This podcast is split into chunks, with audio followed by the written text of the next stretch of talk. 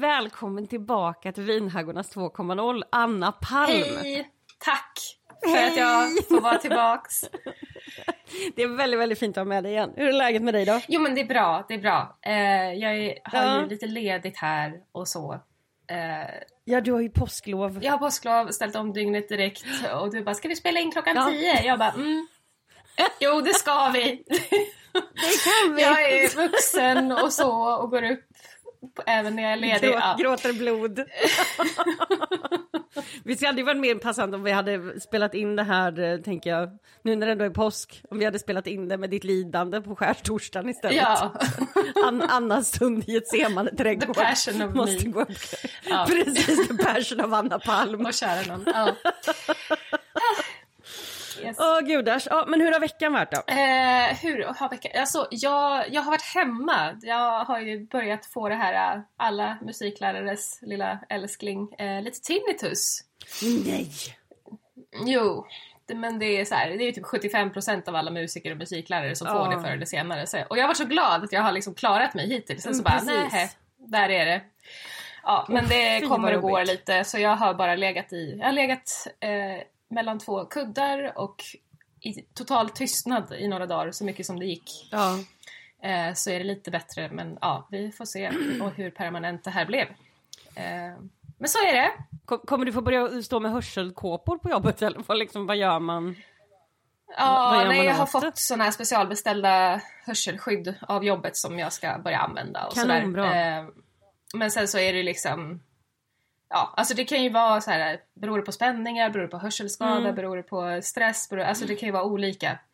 Eh, Mm. Så man får väl liksom lära sig möta det utifrån det, har jag väl börjat förstå. Ja, jag har Ehm. ned, i- alltså, kroniskt nedsatt hörsel på, vad blir det, vänsterörat för att jag stod för nära förstärkare Mhm. och eh, var för fräck för, ehm, vad heter det, såna här öronpluggar, öronproppar. Mm. Mm. Ja, Det är så skönt att se tillbaka på alla genomtänkta beslut man tog i tonåren. ja eller hur? Ja, verkligen. Usch.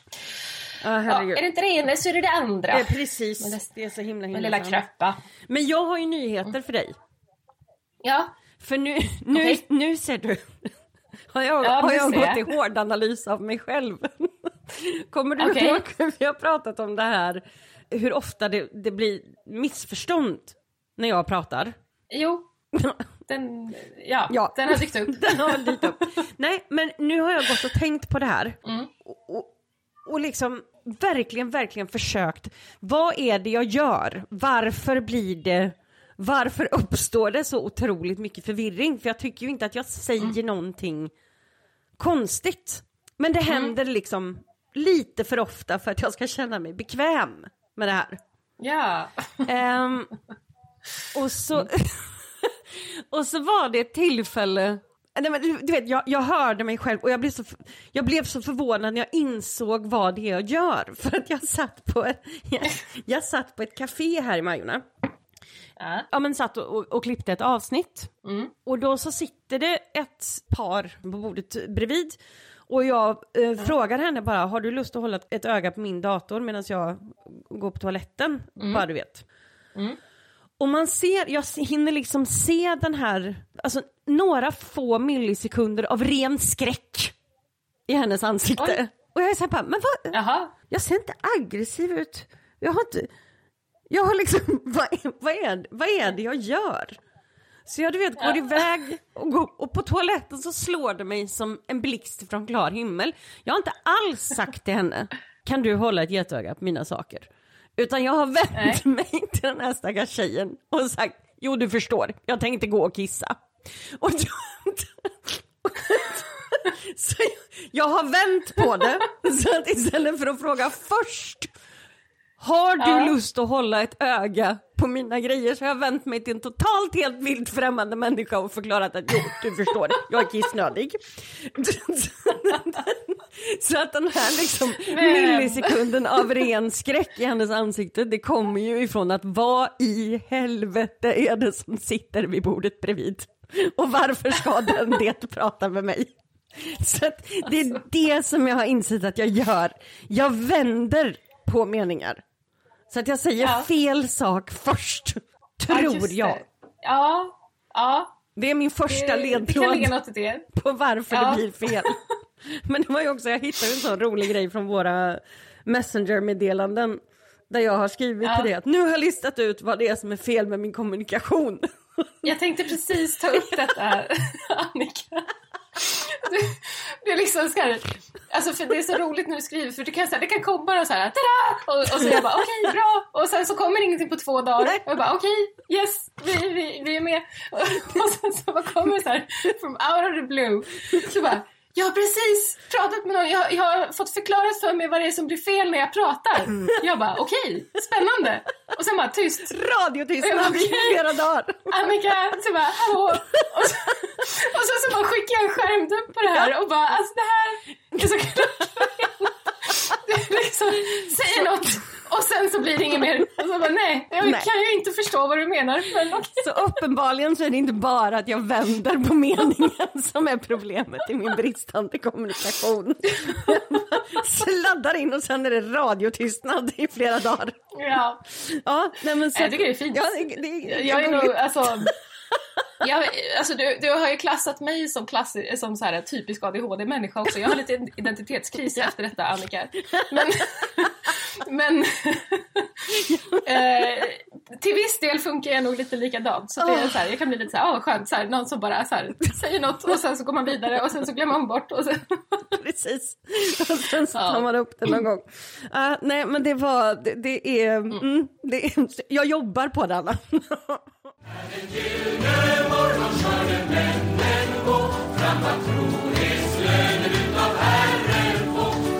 eh,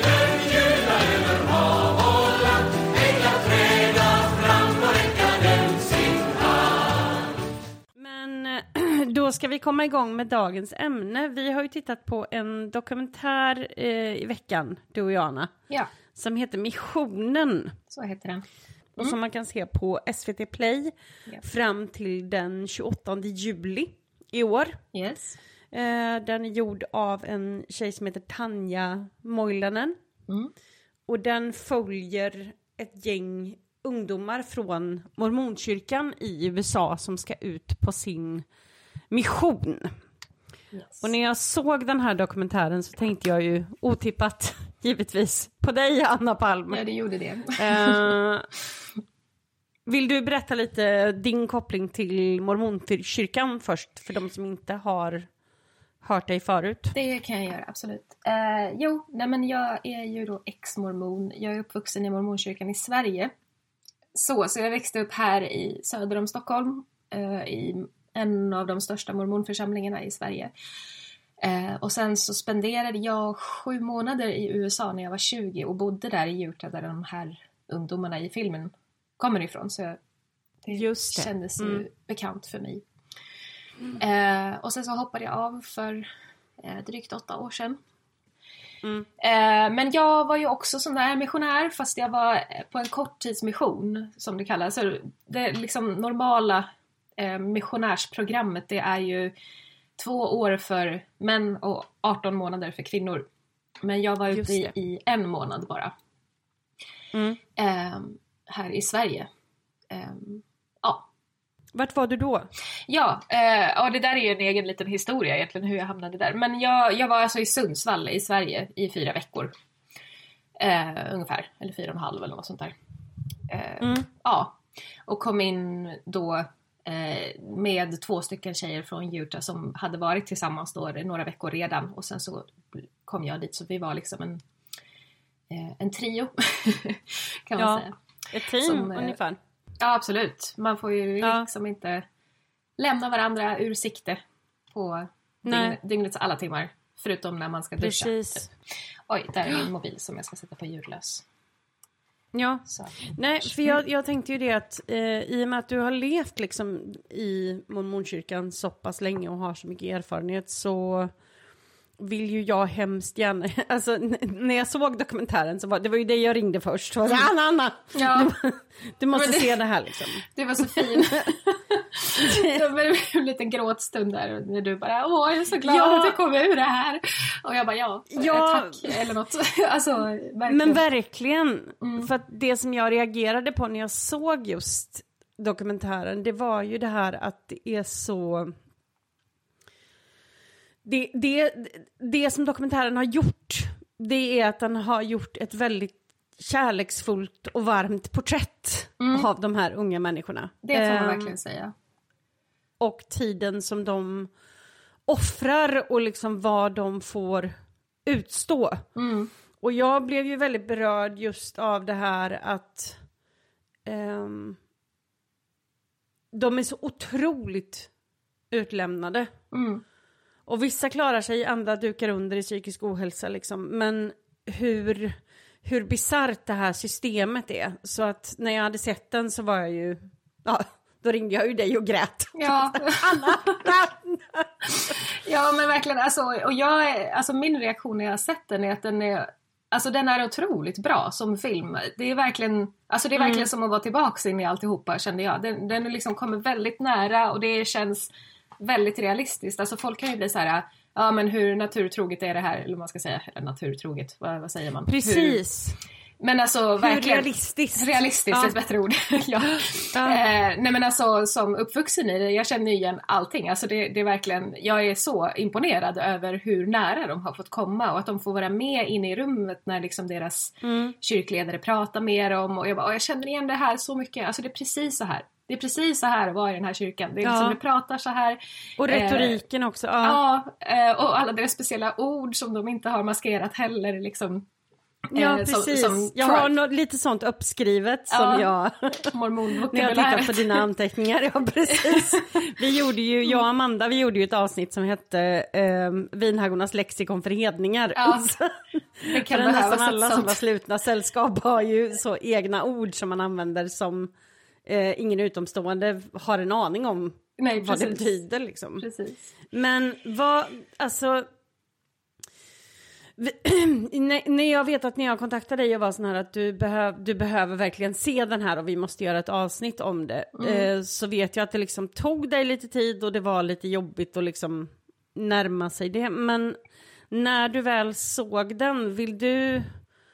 Eh, jag tänker att jag ger dig det fria ordet och så... Vad var liksom... Den börjar ju med att, alltså att de är i Utah och, och det här med deras familjer och liksom de ska åka iväg och allting sånt. Ja.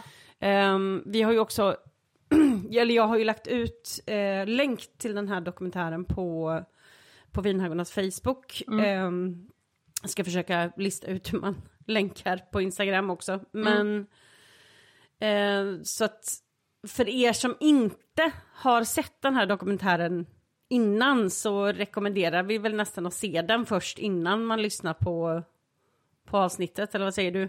Jo, men det kan väl vara bra. Alltså, Ja, det, det tror jag. ja precis. Men vad var liksom ditt första intryck? Eh, Ta oss igenom din, din liksom upplevelse av Ja. den här dokumentären. Ja, kära någon. Ehm, eh, nej men alltså, för, som jag sa, alltså det, för det första så är jag bara väldigt imponerad över hur välgjord den är och hur nära den här filmteamet har fått komma de här ungdomarna och liksom att de Ja. verkligen visar allt. Eh, Precis. och sen, alltså, alltså så mycket som man kan visa under, vad är den, 1.36 ehm, av Ja, en sån stor upplevelse. Men eh, ja, alltså och, jag tycker, det här är väl ofta det som jag tycker är svårt liksom när jag försöker prata som ex-mormon i Sverige. Så liksom att få folk att förstå hur otroligt allomfattande den här upplevelsen av att ha varit mormon är. Alltså det är det det. uttrycket som jag gillar bäst. Jag, jag tycker inte riktigt om begreppet sekt för att beskriva liksom det som jag har upplevt. Utan det begreppet Nej. som jag gillar eh, är high demand religion. Alltså eh, religion med Mm. höga krav kan man väl säga. Eh, för att jag tycker att det, alltså för mormonkyrkan, det är inte liksom en renodlad destruktiv sekt. Det är inte bara det. Men det finns väldigt många destruktiva drag i den här livsstilen och i den här kulturen och den här eh, teologin, ja den här religionen helt enkelt. Ja, oh ja. Precis som i Eh, frikyrkan. Inga konstigheter liksom. Ja. Mm. Eh, och det liksom innefattar allt i livet, verkligen. Alltså, det, alltså när jag lämnade, det var ju verkligen som att så här, vrida ur sig själv eh, allt. Alltså jag jag fick verkligen Ja. vända ut och in på hela mig själv. Alla tankar jag någonsin tänkt, alla känslor jag någonsin känt, allt jag någonsin gjort. All motivation för hela mitt liv. Alltså allting är färgat av en sån här religion när den är så pass krävande som mormonismen är. Och det finns ju flera liknande religioner också. Oh ja. Ehm, så att jag, jag tycker att det är så svårt att beskriva liksom, för en person som aldrig har upplevt en sån här, ehm, ja vad ska man säga, ja, aldrig har upplevt något liknande och liksom förstå hur, Nej men helomvändning i livet. För Ja. man blir, man blir nästan, det är nästan som att man blir bebis igen. ja, Man måste, alltså, eller jag tänker på alltså, folk som är med om svåra olyckor och liksom måste gå igenom och lära sig svälja och lära sig gå och alltså ja, allting sånt. ja, Fast det här sker på en eh, själslig nivå. ja. och Istället. liksom rent Ja. psykiskt så att det är totalt osynligt för alla runt omkring. Så man ska göra den här Mm. otroliga förvandlingen inifrån och ut och liksom försöka fungera som en normal människa för ingen fattar vad det går igenom liksom. Eh, men så Nej. det tyckte jag var väldigt bra med den här filmen, liksom att, att de visar verkligen så här hur de har det hemma i Utah innan de åker. För liksom om du bara så här går runt här som en vanlig människa i Sverige eller, ja, eller Finland som är fallet i den här dokumentären Ja. och möter de här äh, missionärerna på gatan som nog snart alla i det här landet har Ja. gjort. alla Det har är ju de stött som har på de här. ryggsäckarna jättehögt upp. Ja, och liksom eh, svarta brickor. Kortklippta. Ja. jajamän. Mm. eh, då är det ju så himla way out. Alltså man bara, Va? vad gör du här? Varför ser du ut så här? Varför pratar du så här? Alltså det är, så här, det är Ja. jättekonstigt. Och liksom de, det är ju små, det, det är ju liksom nästan till barn. De är ju liksom 18, 19, 20 år, de här ungdomarna Ja, som är precis. runt på gatorna och gör det här. Ja, Eh, och liksom om du bara tar en vanlig 18, 19, 20-åring och så ställer du den bredvid en sån här missionär och liksom så här, ser den Ja. otroliga kontrasten så kanske du kan Ja. börja ana liksom den otroliga manipulationen och påverkan som det har varit på den här ungdomen innan den står där och gör det här missionärsarbetet. Eh, precis. För alltså- det här är inte människor som har ett vanligt liv och sen en tro vid sidan av. Nej, Utan det här är ett liv där liksom tron och kyrkan genomsyrar allt, Allt, i ens allt, allt. liv, i ens varelse. Alltså Ja. det finns inte en alltså, sten som är liksom unturned nej. när det kommer till att... Ja. Och, och, det, och det där, alltså, ja, det är verkligen det jag vill liksom verka upplysande för. Att det är liksom, det, det är inte liksom enkelt gjort att, ett, att en ungdom i den här åldern gör en sån här grej, alltså en sån här high demand, alltså att man ger två år eller ett och ett halvt då, eh, av sitt liv på en sån här mission. Alltså det är så här, Mm. det är ett otroligt högt ställt krav på en människa att göra det. Och det är liksom någonting som de här, eh, ba- liksom från Alltså från att man föds egentligen så vaggas man in i den här kulturen och liksom, man ser ju upp till de här missionärerna jättemycket.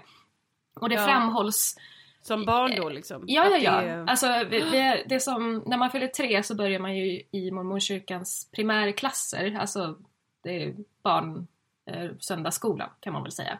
Okej. Mm. Eh, och då har man ju en speciell sångbok, så man sjunger sånger varje gång och så har man lektioner om läran och så ja, roliga lekar och memory och ja, jag vet inte allt vad det är. Det finns Mm. hur mycket som helst. Eh, så här, det är bara att googla så här, LDS primary lessons så kan ni se vad man gör på de här barnklasserna. Jaha, okej. Ja. Ehm, det finns väldigt mycket eh, på typ Pinterest och sånt, mormonmammor som har gjort mycket sånt. Ja, men i alla fall. Eh, och då är Mm. liksom en sån här, alltså de här sångerna har ju alla vi vuxit upp med. Eh, och de Kan är du ge något liksom, exempel på någon av dem? Hur, Ja, hur för den, Alltså- till exempel så finns det ju en som heter eh, Jag hoppas jag en dag ska kallas på mission. Och då är, alltså alla mormonbarn har sjungit den här. Och det är verkligen så här, alltså den går så.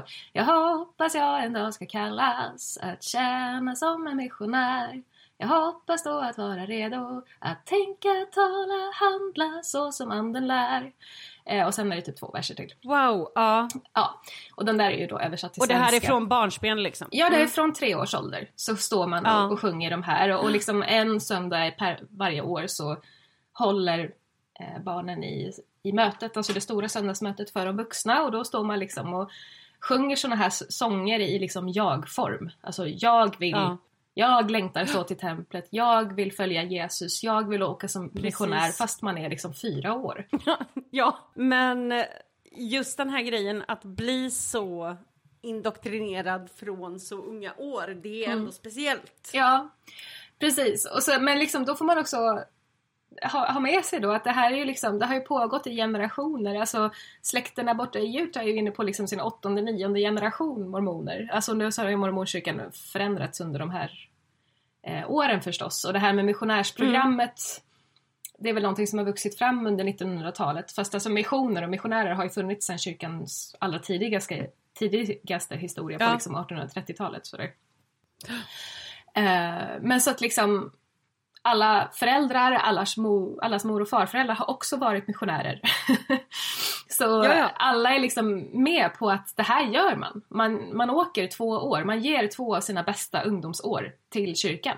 Man gör det. Ja, Eh, och de som inte gör det, alltså det finns ju historier det, det, det var inte riktigt lika hårt här i Sverige kan jag ändå säga. Eh, Okej. Men liksom, man hörde ju så här om de i Utah som liksom valde att inte åka på mission. Alltså folk så här bytte ju sida på vägen när de kom gåendes mot varandra. Liksom, för att det, så här, man, man, oj! alltså det, det är verkligen så här, det var otroligt Ostracized, skamfyllt. liksom. Ja, verkligen Ja, otroligt skamfyllt att inte göra det här. Så att liksom, ehm, och de har ju verkligen det begreppet liksom return with honor, liksom att man inte blir hemskickad för tidigt på grund av synd eller på grund av att man inte Ja. klarar det. Liksom. Det, det är verkligen det är skamfyllt. Liksom. mm. Utan man ska return with honor. Och liksom det, vi tjejer var ju verkligen så här, alltså det var ju verkligen ett, ett begrepp och ett samtalsämne att man skulle hitta en hemvänd missionär att gifta sig med. Eh, okej. Ja, så att det, det är liksom... För det nämner de ju i dokumentären också när de sitter med en av de här tjejerna som ska iväg. Ja, Så säger ju en av de här, jag vet inte om det är äldste eller nå- någon form av ledare som säger till henne liksom att när du kommer hem från missionen så kommer vi byta ut ett ord i det här och då kommer det bytas ut till att dejta. ja. Precis, och det där, det där är ju nästa grej som jag också önskar liksom att utomstående förstår, alltså hur otroligt äktenskapsfokuserad mormonismen är. Kyrkan har ju verkligen i sitt intresse att den ska bestå av liksom starka, fina, välartade kärnfamiljer. Det är liksom Precis. dens mål. Alltså för de, det är verkligen en del av läran är att man ska vara i ett äktenskap, man ska få massa barn, man ska leva den här eh, hemmafru, arbetande man-normen. Liksom. Det är Ja. det som är rätt och fint och det är det som leder till lycka. Eh, så att det är liksom åka på mission och sen gifta sig i templet, det är liksom de stora grejerna som framhålls för alla ungdomar i kyrkan väldigt mycket. Ja.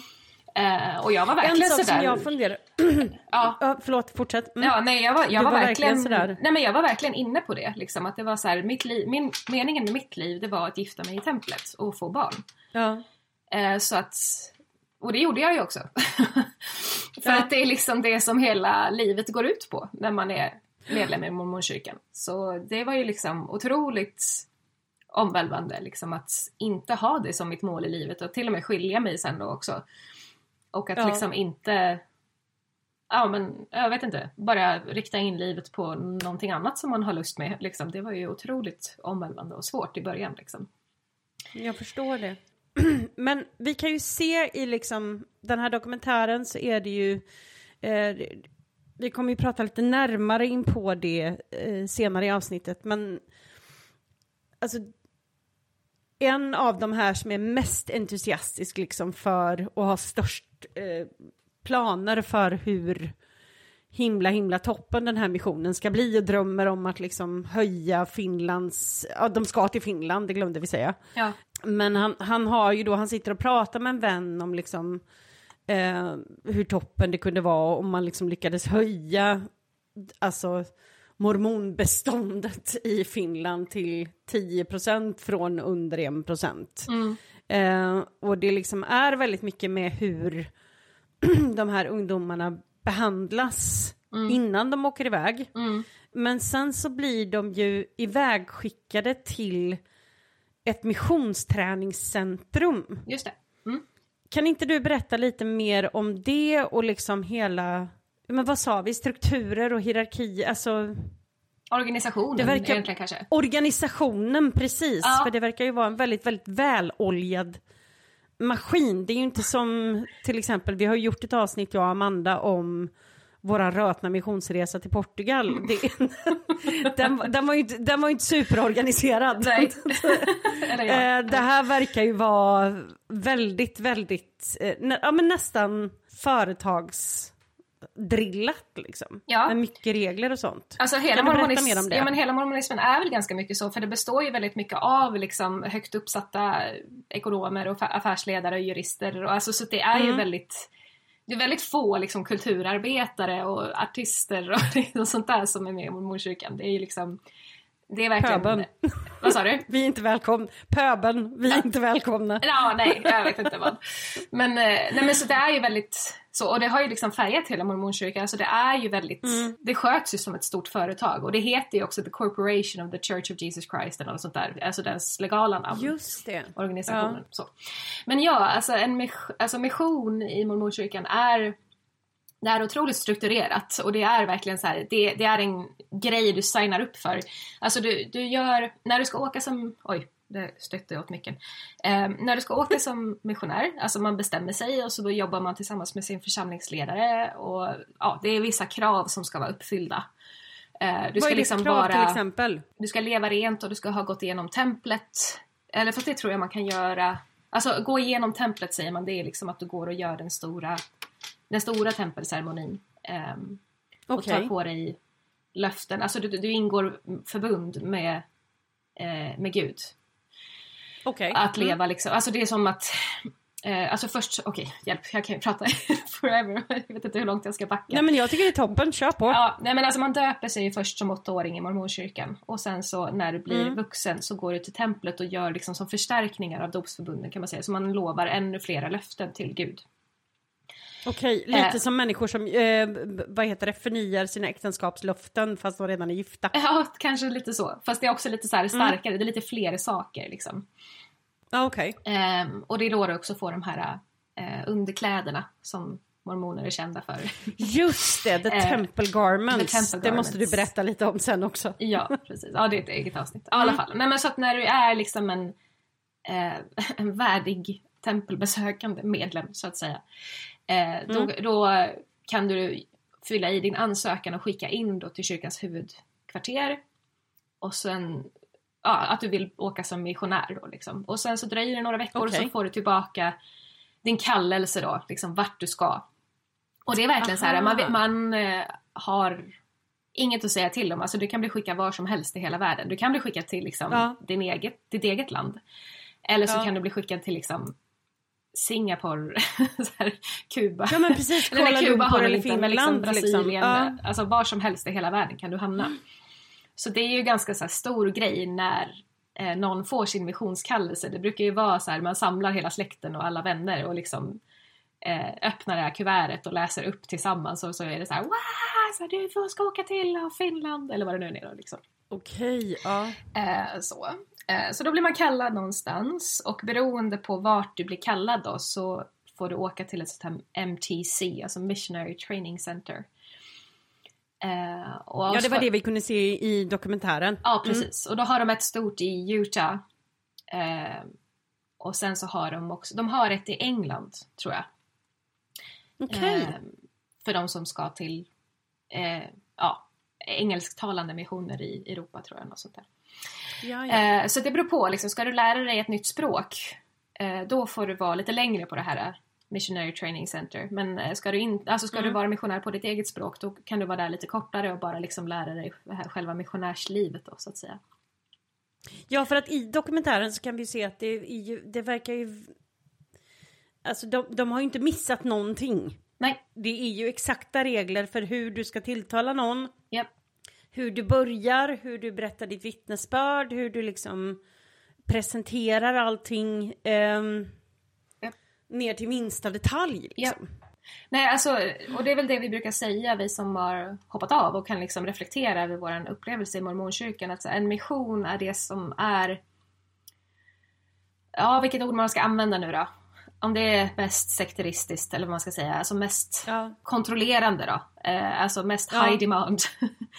eh, Man kanske kan säga att det mest sektliknande draget i en high demand religion.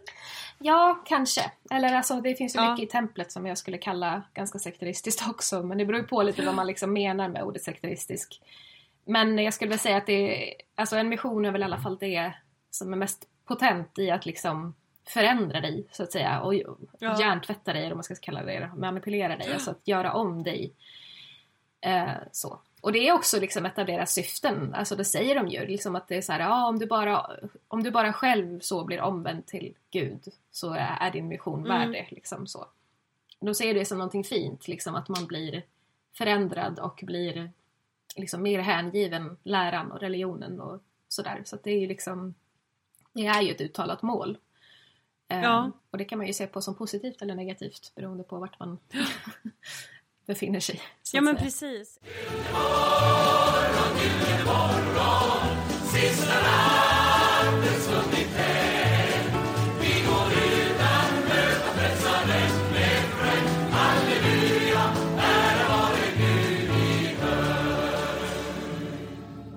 En sak som jag reagerade på väldigt mycket när det kom just till eh, dokumentären, det var ju att när de är på den här, eller på det här eh, missionärsträningscentrat, Mm. eh, så kan man se att de sitter och antecknar. Mm. Och då får man se en kort bild av eh, där det står standards, utropstecken. Yes. Och så ser man att de har börjat skriva ner eh, massa olika regler som gäller för just missionärer då. Mm. Och då är det bland annat sånt här, alltså in, ingen kontakt med det motsatta könet, Mm. inget internet eller nyheter. Mm. Man får bara lyssna på alltså, kyrklig musik. Yep. No swimming anywhere. Den tyckte jag var, var lite, lite spännande. Ja, den finns en Eh, historia om. Ja, och du vet lite sån där avoid all evil. Men kan vi ta en liten parentes och du kan köra igenom det här? Ja, ja, det är så. Det finns, man får, när man åker ut som missionär så får man en vita handboken, the white handbook. som är Okej. en liten, en liten eh, ja, en liten bok i fickformat som är vit, eh, som är full med, full med alla missionärernas regler. Och då är det sådana där saker som att ja, inte tända ljus till exempel då. Den hade, kommer inte jag ihåg själv men den pratar de ju om där. Det förvånar mig inte för det är liksom fullt med sådana där saker. Ehm, och jag, alltså, jag tänker ju att den amerikanska kulturen är ju väldigt mycket mer så här, kring regler och förbud mot liksom, vad Mm. den svenska kulturen är. Så för oss är det kanske lite främmande. Men jag tror att liksom, amerikanska ungdomar är mer vana vid att förhålla sig till olika förbud och påbud av olika slag. De, liksom. har, de, har, de har ju en stämningskultur i USA som vi inte har här. Ja, precis. Där Att folk liksom... kan stämma varandra för precis allting Ja, tid precis. tid. Mm. Så att det, jag, jag tror väl liksom att den där, de där regel, regelboken är liksom ett resultat av allt som någonsin har varit ett problem för någon missionär någon gång har liksom blivit reglerat i den här boken. så jag kan mycket väl tänka mig liksom att det så här, någon gång så råkade någon starta en eldsvåda Ja. på grund av sådär och då har de skrivit in det. Så här, ingen får Och någonsin då tända blev ett det ljus. tvärförbjudet. tvärförbjudet. Mm. Och det är sådär, alltså man får inte ta i barn till exempel, man får inte ha barn i knät. Nej. Eh, vilket kan vara lite så här eh, jobbig eh, fingervisning om vad det har varit för problem någon gång. Exakt. Ja. eh, man får inte ha fysiskt, fys, alltså fysiskt krama någon av motsatta könet. Eh, man får inte, och sen är det här med tiden, alltså du ska upp 6.30 och du ska vara inne om det är klockan 21 eller något sånt där senast. Just det. Eh, och du ska liksom, ja men bara så här strängt schematiskt hur din dag är upplagd. Liksom. Du ska lägga sig och så mycket tid på språkstudier, och på skriftstudier och på tjänande i församlingen. Alltså om du inte är ute och knackar dörr eller street contacting och sådär försöker liksom Mm. sprida budskapet så jobbar man för församlingen men oftast kanske hjälper till att städa eller klippa gräset någonstans eller hjälper någon medlem i församlingen som kanske har svårt med någonting. Nej men alltså missionärslivet är extremt speciellt. Alltså det är Mm. eh, extremt reglerat. Eh, och det, alltså det är ju så, man åker iväg och man får ringa hem två gånger per år. Och man får skriva brev Är det hem bara två gånger en per gång i veckan. Ja. Eller jag vet inte om de har Oj. luckrat upp det nu men alltså Ja. som jag växte upp, de som åkte på mission då, man ringde hem på julafton och på mors dag. Det var då man fick ringa hem. Oj! Eh, och sen, alltså när jag var ungdom då var det ju fortfarande handskrivna brev som gällde. Just det. Eh, Mm. Nu har de nog gått över till att man får mejla. Eh, och jag tror att man får mejla lite mer nu för tiden än vad man... Alltså för då var det så här, på, alltså för de har ju... Eh, man jobbar ju... Eh, ja, vad är, alltså om det är 18 timmars dagar eller något sånt där. Det är liksom från morgon till kväll så är du i kyrkans tjänst. Och sen sex dagar i veckan. Och på måndagar så har du preparation day, alltså P-day kallar de det. Mm. Då får man skriva hem. Så. Annars ska du vara helt fokuserad på arbetet för kyrkan. Liksom. Det här låter ju i mina ögon som ett ganska effektivt recept till att eh, bryta ner någon fullständigt. Ja, Ja. ja. jo. Eh, och det är där man, man kallas ju inte vid sitt förnamn utan man kallas ju vid sitt, eh, vid sitt efternamn då och så Just sin det. titel. Och det är det att är du kvinna så är du bara syster. Mm. Syster Palm var ju jag då när jag var missionär. Eh, är du eh, man så har du ju fått prästadömet och då kallas man ju då för äldste eller elder på Mm. engelska. Och det har att göra med liksom vilken grad av prästadöme du har. Ehm, det är därifrån det kommer. Mm. Ehm, för mormorkyrkan har ju, alltså de har ju tagit de flesta liksom titlar som finns generellt i kristna rörelser så betyder det någonting helt annat. Ja, precis. Eh, För ja. äldste i frikyrkan betyder ju liksom alltså de andliga ledarna, alltså de som är Ja. ja, men just äldre. Inte Ja, och liksom det är ju liksom lite generellt i- 18-åring. Ja. I världen att eh, en äldste, oj, eh, en äldste är liksom en äldre person Ja, som precis. är liksom vis och Ja. sådär. Men inte i mormorkyrkan. Eh, där är det så liksom att när man fyller 12 och är pojke så får man prästadömet och då kallas man för diakon. Det är liksom Okej. det första steget. Så det är liksom Ja. det lägsta graden, det är diakon. Det är ja, ganska annorlunda också. Eh, och sen så, jag tror att det är vid 14 års ålder tror jag det är va, så blir man lärare, kallas det, den titeln. Just det. Eh, Mm. och sen vid 16 års ålder så blir du präst. Ehm, och sen när du fyller 18 då får du det högre melkisedekska prästadömet och då blir du äldste, alltså från 18 ah, år. Okej. Så att när du är en äldste i mormonkyrkan då har du liksom fått det melkisedekska prästadömet och har liksom vissa befogenheter så att säga i organisationen. Och det här Eh. gäller bara för män, eller hur? Inte, alltså, Ja, ja, ja. Nej precis. In- Nej, kvinnor får absolut inte nej. ha prästadömet. Så. Eh, sen finns det högre, jag tror att högpräster, då, men då, det är liksom de äldre. Det är, det är kanske det som man skulle motsvara äldste utanför Ja. mormonkyrkan. De, de kallas för högpräster i... För att de nämner ju president och liksom, alltså det verkar precis, vara väldigt president- mycket olika hierarkiska titlar. Ja, alltså president liksom. är ju ganska Mm. generellt här, men det finns ganska, man kan vara president på många olika sätt i mormonkyrkan. Men då är det liksom att du satt högst upp i en organisation. Alltså missionspresidenten då, Mm. det är den som, som leder arbetet i ett missionärsområde, eller ett missionsområde. Okej. Sverige var, är en egen mission, alltså Sverige-missionen, då har Sverige en missionspresident. Liksom, och det är han Jaha, okej. Mm. eh, som är högst upp. Det är oftast en äldre som är ditskickad på tre år med sin Mm. fru oftast. Men jag funderar lite på en sak, en annan regel som de, de nämner i den här dokumentären. Mm. Det är ju att man faktiskt inte på riktigt får, eh, man blir tilldelad en kompanjon som man Ja. går med i nio veckor. Mm. Och sen så byts de ut. Och de säger det att man inte får släppa varandra ur sikte förutom vid toalettbesök. Ja. Kan du berätta lite mer om det och vad var din erfarenhet av det här när du var på mission? Ja, alltså, men, men så är det. Liksom. Och det är alla också bara beredda på att så är det. Man, man blir tilldelad någon som man inte vet vem det är och inte känner sen innan oftast. Mm. Eh, och sen så är det liksom 24-7. Det är bara liksom när man duschar eller går på toa som man släpper Ja. varandra ur sikte. Och då får liksom den andra, alltså då är man utanför liksom. Man, eh, man går inte ifrån ifall någon är på toa liksom så. Eh, Så när- det är ingenting exempel- som liksom kilar iväg till affären eller? Nej, nej, absolut inte. Nej. Absolut inte. Okej. mm. Eh, och vi var ju tre då, råkade vi bli, när jag var ute.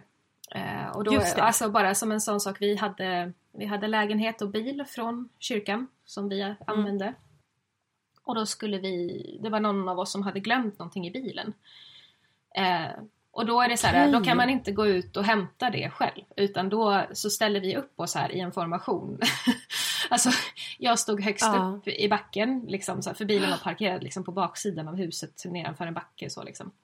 Så stod jag där och sen så gick den andra i våran trio liksom och ställde sig nedanför backen så att hon kunde se både mig och bilen och sen så kunde den tredje då gå till bilen för att hämta den här Just saken det. och sen kunde vi gå in alla tre tillsammans. Men liksom, Mm. eh, det är på riktigt så. Alltså du får inte släppa den andra ur sikte. Liksom. Nej. Ehm, och det kan jag väl också tänka mig liksom så här, ja, för att man ska alltid ha ett vittne liksom, så att ingen kan anklaga dig för något. Alltså så här, ja jag såg Precis. honom göra det där, ja men du har alltid ett vittne som är liksom på din sida.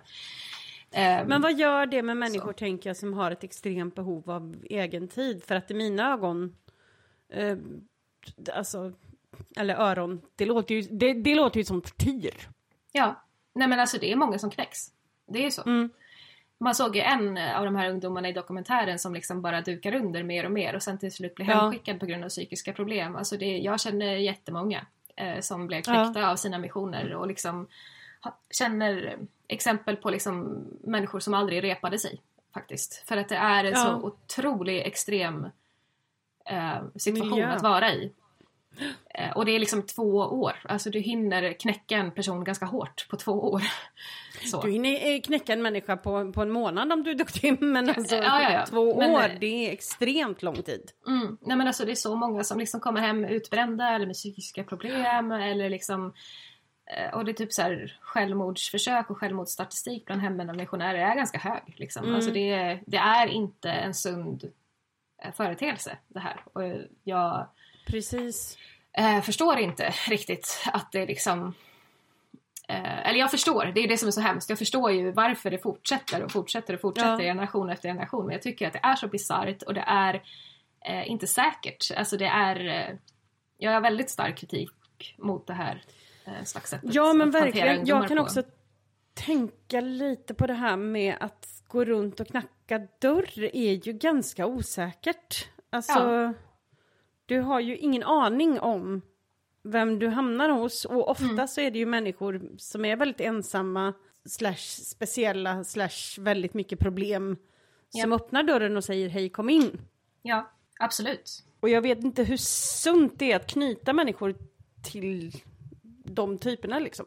Nej, alltså och det var ju oftast, alltså eh, det var ju oftast personer som var utsatta eller sjuka eller ensamma på olika sätt. Det var ju de som ville ha kontakt med oss liksom. Mm. Såklart. Och, och det är ju verkligen så här, äh, alltså kan ju verkligen bli oetiskt också. Alltså i vårt område så fanns det en flyktingförläggning till exempel och jag skäms ju ögonen ur mig när jag det. tänker på hur jag liksom jobbade med det här. Att vi på riktigt gick till den här flyktingförläggningen och knackade dörr och så blev vi insläppta Mm. här och var av personer som liksom är helt nyanlända till Sverige, förstår ingenting och blir bara glada över någon som pratar med dem. Liksom. Precis, och traumatiserade upp över öronen liksom. Mm. Ja, alltså så att det är så här. Och, och liksom det såg ju vi som, ah, de är ödmjuka, de är mottagliga, det är så fint liksom. Och så ser man det som en kärlekshandling liksom att gå och bry sig om de här människorna. När man Och går över alla vissa, gränser egentligen. Ja. Ja, och så i vissa fall så är det så här, ja det kanske fyller en funktion i människors liv. Alltså det kanske inte är helt av ondo heller att man liksom har kontakt Mm. med varandra och pratar om livet på olika sätt. Men det är ju, alltså missionärsprogrammet i mormonkyrkan är ju bedrägligt också. Alltså för att man, missionärer är ju aldrig öppna med liksom kyrkans baksidor, de är inte öppna med liksom eh, det här med att betala tionde resten av ditt liv till exempel. Eller, alltså det, är så här, det framhålls ju bara liksom en polerad eh, polerad fasad av hur fantastiskt det här är. Liksom. Jag kan tänka Mm. lite det också, för att det där är ju inte bara liksom i mormonkyrkan som det här ehm, nej men alltså, oetiska beteendet förekommer. För jag minns att när, jag undrar om, om, jag tror att det var när kriget i Ukraina bröt ut. Mm. så var det någon missionär eller någonting sånt där som var på en flyk- flyktingförläggning Mm. eh, och hade filmat och lagt ut när hon bad för en typ, vad kan hon ha varit, 12-årig flicka eller någonting. Mm. Som är liksom smutsig, traumat man ser liksom att hon gråter och skakar och är liksom ja men den, det här barnet är ju fruktansvärt traumatiserat. Mm. Och då ska de liksom dit med sina kladdiga fingrar Mm. och prata om Jesus. Och inte Ja. bara det, filma henne och lägga ut det på sociala medier. Det, Ja. det är så... Ja. Nej men det borde vara brottsligt. ja. Nej, men alltså det är inte okej. Alltså det är bara så här Man får inte Ja. behandla Här- människor på det sättet. hands off bara. Ja, hands off. Men det är så precis. svårt för att det är liksom, alltså de troende liksom, personer som gör det här, de ser ju det som, en, som sin ultimata kärlekshandling liksom. Att bry Ja. sig om och dela med sig av det vackraste de vet liksom så. Precis, att det är det Men finaste jag kan ge någon. Mm. Ja, men igen, alltid när man pratar om sådana här rörelser, alltså intention versus impact. Alltså jag fattar att du kan ha jättegoda intentioner, men kan du inte vara öppen för liksom the impact, alltså att hur Precis. det här kan tas emot, både på positiva och negativa sätt. Har du inte liksom tagit in argument för och emot vad du håller på med, så borde du faktiskt bara avstå. Alltså för att det- blir Ja. så lätt oetiskt. Alltså, det är så här, ja, jag vet inte, jag är bara som utbildad lärare liksom, igen. Som, alltså, det har jag ju inte sagt i det här avsnittet, men jag är alltså lärare, eh, jobbar i svenska skolan och liksom vi har ju i vår utbildning så ingår ju så etik, liksom. Alltså etiska Ja, aspekter precis. av att liksom Mm. stå i maktposition över någon och lära någon någonting. Du måste liksom kunna se det från ta in för och motargument på alla håll innan du liksom kan stå där och göra det. Eh, för att Ja, men oh, det, ja. det kan bli så himla fel liksom, när du ställer dig i en sån där eh, lärarposition över någon som faktiskt en missionär är på ett sätt. De vill ju liksom lära dem om Guds väg eller vad det nu är där. Liksom. Precis, och sen så blir, finns det ju också, det, det skulle jag kunna prata om i timmar, alltså exploateringen av liksom eh, nyfrälsta och människor som är, som är omvända. Men det, det är Ja. det som blir så intressant med, tycker jag, med hela mormonkyrkans mission, att Mm. det är ju så otroligt få som blir omvända till Ja. mormonkyrkan Mm. genom mission liksom. Och att det här bara fortsätter liksom.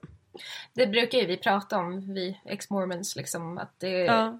det är ju ganska tydligt egentligen att missioner och missionärer i mormonkyrkan handlar inte om att få in så mycket nya med- medlemmar. Eller alltså det, det Nej. sker ju eh, här och var.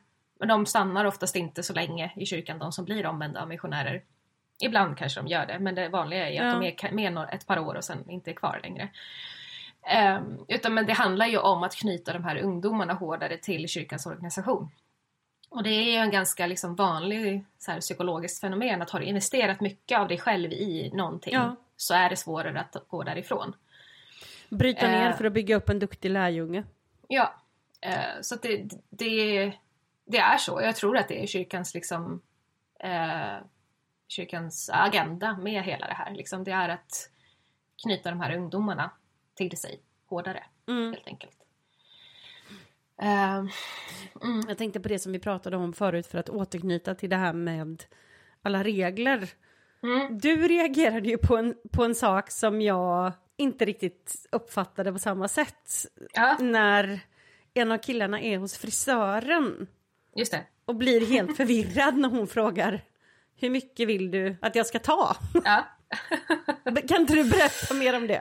Ja men alltså hår och hår, alltså fris, frisyrer i kyrkan är ju Mm. verkligen så här, det, det är reglerat. Alltså det, det är ju så här, man får ju bilder på liksom de här missionärsfrisyrerna som man ska ha. Alltså, Okej. och till exempel, jag gick ju på Brigham Young University, alltså kyrkans universitet i Utah och det är ju samma regler där. Du ska vara liksom vara klippt på ett visst sätt och det satt ju liksom så posters i, i korridorerna på universitetet om att det liksom, Är det så här långa får polisongerna vara, du får, måste vara renrakad, eh, så här långt får ditt hår vara. Ehm, Okej. så att det är ju verkligen så här när han sitter där i frisörstolen i den här dokumentären Ja. så frågar hon så här, ja men hur kort får det vara? Och det är verkligen så här, får, alltså får enligt standarden. Det är inte vad han vill ha, för det är inte det det handlar om. Precis, Utan det handlar om nej. att hon ska klippa rätt frisyr här, som är liksom den rätta frisyren. Så att, eh, ja. Nej men det blir, det blir så himla speciellt. Jag reagerade Mm. ju på en, en sak precis efter det för att det är där tycker jag som det börjar bli tydligt att han, den här liksom personen i dokumentären börjar krackelera. ja. Eh, för det är någon sån här, alltså det, det filmas ju verkligen alltså elaka kommentarer, att folk skriker efter dem på gatan eller du vet slänger grejer, eh, tutar och allting sånt. Och då är det och då är det, man ser hur han blir helt svart i ögonen och säger ja, yeah, you want a book of mormon. Man kan Ja. liksom höra hur han tänker up your ass efteråt. Ja. Men det säger han ju såklart inte. För han är ju en god mormon. Ja. Men det är en sån tydlig bild av hur svårt det måste vara att liksom hela tiden utsättas för samhällets förlöjligande på något Ja. sätt. Ja. Jo, jag har ju en man- bekant som blev eh, nedslagen, liksom blodig. Eh, Är av, det ett, sant? av ett gäng ja, i England. Alltså det, det sker. Vad hände då? Nej, jag tror att han fick åka hem till slut för att det var liksom för traumatiskt. Så, så Ja. att det, eh, men ja, alltså missionärer blir utsatta på alla möjliga sätt. Eh, och det, ja, det är ju ett helt eget ämne liksom med hur, hur mycket de här ungdomarna ger till kyrkan och hur lite de får tillbaks. Alltså man, man sparar ju ihop, alltså det var inte ovanligt liksom att man jobbade, man tog studenten, jobbade ett år för att tjäna ihop till sin mission. Ja, Eh, och sen åkte man på mission som man betalar för själv. Och liksom, när du åker dit, de tar ditt pass. Liksom, du, du är helt utlämnad åt kyrkan, du kan inte ta dig därifrån. Eh, och sen så är har du... de passet på riktigt? Ja, ja, alltså de tar... Oj, du du ja. pantsätter hela dig själv under två år i, i den här organisationen. Och du får inte åka hem, du får inte göra någonting annat än det du ska. Eh, och man är otroligt utsatt och det händer såna saker liksom. Alltså missionärer är utsatta för det, både det ena och det andra liksom. ja. Eh, och. Och jag menar, jag, jag reagerar, jag är ju, det där är ju ett ämne för mig som är ganska, det ligger nära inpå och jag är ganska känslig för det just för att det är jag kan tycka att det är väldigt, väldigt viktigt att säga att de här sakerna som vi pratar om Mm. så kritiserar vi eh, liksom inte bara ledare men det är just på strukturella nivåer. Mm. Man får liksom inte lov att ta den här, alltså den här informationen för att förlöjliga unga människor som antingen är med i, i frikyrkan eller mormonkyrkan eller någonting för att de har tillräckligt svårt som det är. För att det är väldigt, väldigt svårt att leva i den här världen ja, men, med en eh, fundamentalistisk tro. Ja. Ehm, Eller det är det mest Och jag- fantastiska som finns Annika. ja, men Tror alltså man ju här- när man är i Ja, det. men- Alltså, ja, ja. så. Ja, ja. Men det står ju till och med i Bibeln liksom att ni kommer bli förföljda och förlöjligade och hela balletten. Och då ses det här liksom som en, ja men när jag liksom blir mobbad Mm. för att jag tror på någonting så är det bara, ja men då är jag bara en duktig lärjunge. Och det är så här, nej, du blir utsatt för någonting som är hemskt. Ja. Och så här får inte folk bete sig och jag är ledsen att du har hamnat i den här sitsen. Nej, alltså, och det är så beklämmande ju. Alltså, för jag springer ju på de här missionärerna hela tiden eh, också på stan. Liksom Mm. så. Och de vet ju inte vem jag är. Eh, så. eh, men det är ändå så här... eh, ah, alltså jag ömmar så för dem. Alltså jag blir så här, vad ska Ja. man göra? Eller jag kan ju inte göra någonting för att jag vet liksom så situationen de är i. Eh, och även då, under av under, jag skulle kunna få prata med dem och kunna hjälpa dem liksom till insikt om vilken organisation de är med i och hur orimlig deras situation är. Så skulle det egentligen bara eh, liksom göra det mycket hemskare för dem för att de kan inte ta sig hem och då skulle de åka Nej. hem bli hemskickade tidigt liksom, så är det jätteskamligt för dem och det kanske förstör otroligt mycket för dem på hemmaplan. Alltså det är så här, Ja, hela det, alltså det är ju inte, ba, det är inte bara liksom att åh, det här var en liten grej utan det påverkar ju hela deras liv. Ja, Eh, för jag skulle vilja fråga lite om det för att i dokumentären så är det ju en kille, vi nämnde ju honom förut som Nej men han brister mentalt eh, Ja. och blir hemskickad. ja, Och du, du nämnde det att du liksom känner folk som har blivit hemskickade på grund av, ja men som till exempel den misshandeln, ett trauma i sig och, och allting sånt. Men hur, alltså, de, kan, kan du måla upp en bild för hur ett standardliv är för de som kommer hem som har klarat missionen Mm. och de som inte har klarat av det? Ehm, Vad händer där? Ja, alltså som sagt så tror jag, alltså kyrkan här i Sverige kände, var ju lite annorlunda liksom än i Utah, får man ju ändå säga. Alltså, det är ganska mycket mer tandlöst här skulle jag säga. Alltså det, det blev Ja. inte så... Alltså folk var liksom schyssta och generösa på ett annat sätt tror jag. Mm. Eh, också för att alla känner varandra liksom, och har känt varandra i generationer, så alla familjer känner varandra. Liksom. Så att man håller goda relationer man, på, på ett annat sätt tror jag, än i För Utah. att ni är så få också. Ja, ja, Ja. jag vet inte. Eller så var jag bara naiv och dum. Det kanske skedde jättemycket hemska saker här också som jag bara såhär, Ja. vadå? Ja, det var precis. jättetrevligt. Ja. Har Eh, någon sett mitt sidenband till håret? Mamma! ah, Prinsessan. Mm. ja, men det var inte så farligt. Bara, jo, det var det. Ja, Okej, förlåt. Jo, Eh, Anna, ja, det var... Ja. Du missade lite där. Ah, kära någon. Ja. Mm. Eh, nej, men, nej men alltså, komma hem som missionär. Ja, alltså det var ju också sån här... Alltså jag tyckte att det var lite obehagligt faktiskt med de som kom hem. Eh, för att de hade Åh, liksom... berätta. Ja men de hade alltså... De hade så annat uttryck i ögonen och ofta så är det liksom... Den här glansiga, saliga blicken som är Ja. så obehaglig. Mm. Verkligen. Eh, och ofta så hade de börjat bryta då på något annat språk. För, alltså för att de hade varit borta Åh, så länge så de pratade Ja. inte ren svenska längre liksom. Mm. Och så var det ju liksom bara det här äh, milda, fina tonfallet och liksom man pratade bara om Guds väg. Och, alltså så man var ju liksom helt, alltså de som kom hem var ju liksom ganska väck oftast ett tag Mm. innan de liksom landade och så. Eh, och det, jag vet att vi pratade ganska mycket så här, att man borde ha ett RNTC, alltså Returning Missionary Training Center. för att det, det var så... Ja, nej, men för att det var sån stor grej att komma hem och det var liksom många som inte fixade den övergången så bra. Och många gick in i depressioner eller på olika sätt när de kom hem för att det var liksom det är en sån absurd förändring liksom över en natt som sker. Eh, men ja, eh, men det vanliga är väl att man förhoppningsvis klarar hemkomsten någorlunda med hälsan och mentala hälsan i behåll. Eh, Och så är man liksom en stark medlem i församlingen och tjänar jättebra och så och sen så förhoppningsvis så gifter du dig inom ett år eller två med någon. Just det. Mm. Eh, så. Men, de vad som gäller för de som kommer tillbaka och, och liksom har blivit hemskickade eller inte har liksom... Ja, som har nej, men knäckts de under får Väl tiden. liksom, de får väl liksom komma tillbaka in i församlingen igen och, köra på så gott det går. Alltså, men jag uppfattade nog att de flesta var liksom vänliga mot dem och liksom tog hand om dem Ja. och så. Alltså att man ändå hade att man ville se kärleksfullt på varandra liksom och hjälpa varandra och, Ja. och så. Men att det var ju liksom, det var ju ganska stort liksom att komma hem tidigt från mission. Det var, alla var så här, "Jaha, okej, vad har du vad har du gjort eller vad, vad var det som Ja. gjorde att du inte pallade trycket eller liksom, eller har du syndat på något sätt eller sådär. Jag vet ju det att alltså, när vi har pratat du och jag så har du ju sagt tidigare att du känner ett flertal personer som faktiskt insjuknade i eh, full-on psykos under sin Ja. missionsperiod. Ja. Vill du Eh. berätta lite om, om det?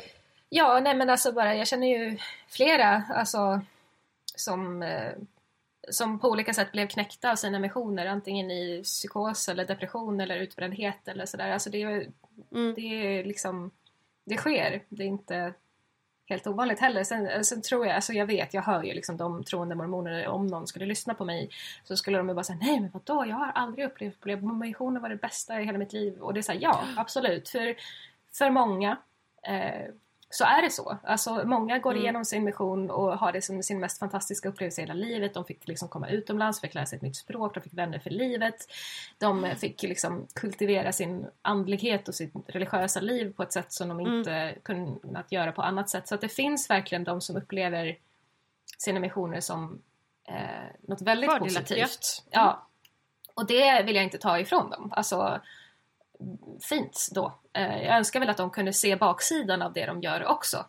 Ja. Eh, för att det är inte bara eh, positivt att liksom komma med en ny religion och en ny kultur till människor i ett annat land. Alltså där kan jag ju Nej. prata om min egen erfarenhet gärna snart. Men, eh, men ja, alltså om jag inte ska glida från ämnet just nu så liksom Mm. eh, människor hanterar och reagerar väldigt olika på en sån här upplevelse. Eh, och jag önskar att kyrkan var mera liksom öppen att se de som tar rejält med skada av det här. Eh, Och inte liksom förvänta sig på det sättet att det här ska bara ges av kyrkans ungdomar. För att det är ju liksom Ja. ett, ett gratisarbete och en, en skänk liksom från ungdomarna i kyrkan till kyrkan. Som man Exakt. liksom inte eh, som de inte är tacksamma för eller inte bryr sig, alltså så här, inte hanterar på ett bra sätt utan det är liksom ett, Nej, det Enormt. bara att det är liksom... ja, det är ett enormt Ja. krav att ställa på en människa och göra det här. Och det borde ses som det enorma kravet. Liksom. Ja, och en sak som jag reagerade jättestarkt på, det var när han... Eh, han den här killen som blir hemskickad, han sitter och berättar om det här och hans dåvarande kompanjon pratar om att... ehm, ja, men ibland så... Den, den, den herren älskar tuktar han. Eh, Alltså man behöver beskära trädet för att det ska ge mer frukt och bla bla bla. Allt det här Ja. vanliga. Men det jag reagerade på det var att den här killen säger Jag stannar hellre sju, månader, sju månader till i Finland och dör här fysiskt. Än åker hem, än att bli hemskickad och leva 60 år till med skammen. Och där kan man ju se hur Det är eh, ganska enormt, allvarligt. ja, men alltså hur enormt inne i det här man är och liksom hur, Ja, alltså hur djup hjärntvätten är. Alltså, precis. för det, det är ju inte sunt att säga så. Alltså det, det är ju inte rätt. Man borde ju bara ta ut honom därifrån på en gång och bara okej, eh, nu ska vi se till att din hjärna börjar fungera på ett lite bättre sätt så Ja. att du kan liksom se och bedöma situationen du är i lite mer rättvist liksom. Precis, från en 19-åring så är liksom inte det här... Det är inte, det är inte idealiskt att, att höra liksom. Nej. Det blir väldigt, det blir, det blir väldigt, väldigt eh, märkligt. Jag tänkte på det också i slutet av dokumentären så kan man ju se de här två eh, killarna sitter bredvid varandra eh, som ha- man har följt. Och det är så otroligt smärtsamt för att den ena killen när han har fullföljt eh, sin mission så får han ju gå upp och tala inför församlingen. Eh, och det är liksom en otroligt stor affär av det här. Och, man, och då zoomar de in på den här killen som blev hemskickad. Mm. Och man kan liksom se ångesten i hela hans ansikte och det är så hjärtskärande. Ja, Att han liksom inte klarar av det. nej. Precis. Och det är så, och det är så bisarrt liksom att det är så här, du är Ja. bara en helt normal vanlig ungdom som blev satt i en extrem situation. Det är inte konstigt Ja. att du dukar under och du ska inte skämmas för det. Alltså, Speciellt Alltså, det var ju- inte det heller var ju- när liksom... Jag menar bara, det, det är liksom ungdomar från Utah i USA som blir skickade till Finland. ja. Okej att vi är stängda i Sverige, men Finland har fan VM Ja. i Prata inte med mig. Det, Ja. finns, det finns ju också en, en helt otrolig scen som är... Nej men jag tror det mest finska jag har sett i hela mitt liv. Eh, då är det en av de här tjejerna som kommer fram och försöker hälsa lite tafatt på en man som står vid en bil. Och han är liksom bara helt tyst och stirrar ner henne. Och du vet det sprider sig världens mest obekväma tystnad tills hon säger So, so no? Okej then. Ja. Och går därifrån och då nickar han godkännande. Men liksom Ja. det är ju inte det lättaste landet Nej. att och, han liksom, alltså, och, och han som då säger innan så bara, "Ah, tänk om vi kunde höja medlemsantalet till 10% i Finland. Och jag, är så här, alltså jag, blir så, jag blir så ledsen för att det är så här, och kära lilla vän, alltså du kommer, alltså ja, Utah är en liten bubbla. Alltså det är Ja. en, en liten bomullslåda där, som inte är som resten av världen. nej Och nej. liksom i den lilla bubblan så, så tror man på det här att man kan åka som missionär till liksom ett annat land och omvända halva befolkningen i princip. Och liksom Oh, den ja. naiva bilden upprätthålls också som, någon så här, som ett ideal på en slags tro. Att det är så här, oh wow vad fin tro han har. Han har sån stor tillit till Gud att det här kommer ske. Liksom. så man, man, man upphöjer ju det här synsättet, liksom, det här naiva Ja. liksom, världsfrånvända synsättet. Och sen så liksom kommer de då till Finland så är det bara som smack in i betongväggen och bara, alltså hörni, liksom världen funkar inte så, människor funkar inte så. Eh, Nej, och jag menar det finns ju så ja. himla, det finns ju ett annat så himla bra tillfälle i den här dokumentären som, men det blir så, det, Mm. det blir dels gulligt men också väldigt, väldigt komiskt för att de har knackat på hos någon familj. ja. Eh, och han har då liksom varit gift några gånger, den här mannen. Ja. Och i och med att liksom eh, i mormonkyrkan så är det ju att när du gifter dig med någon i templet då Mm. är du ju tillsammans med den människan in i evigheten.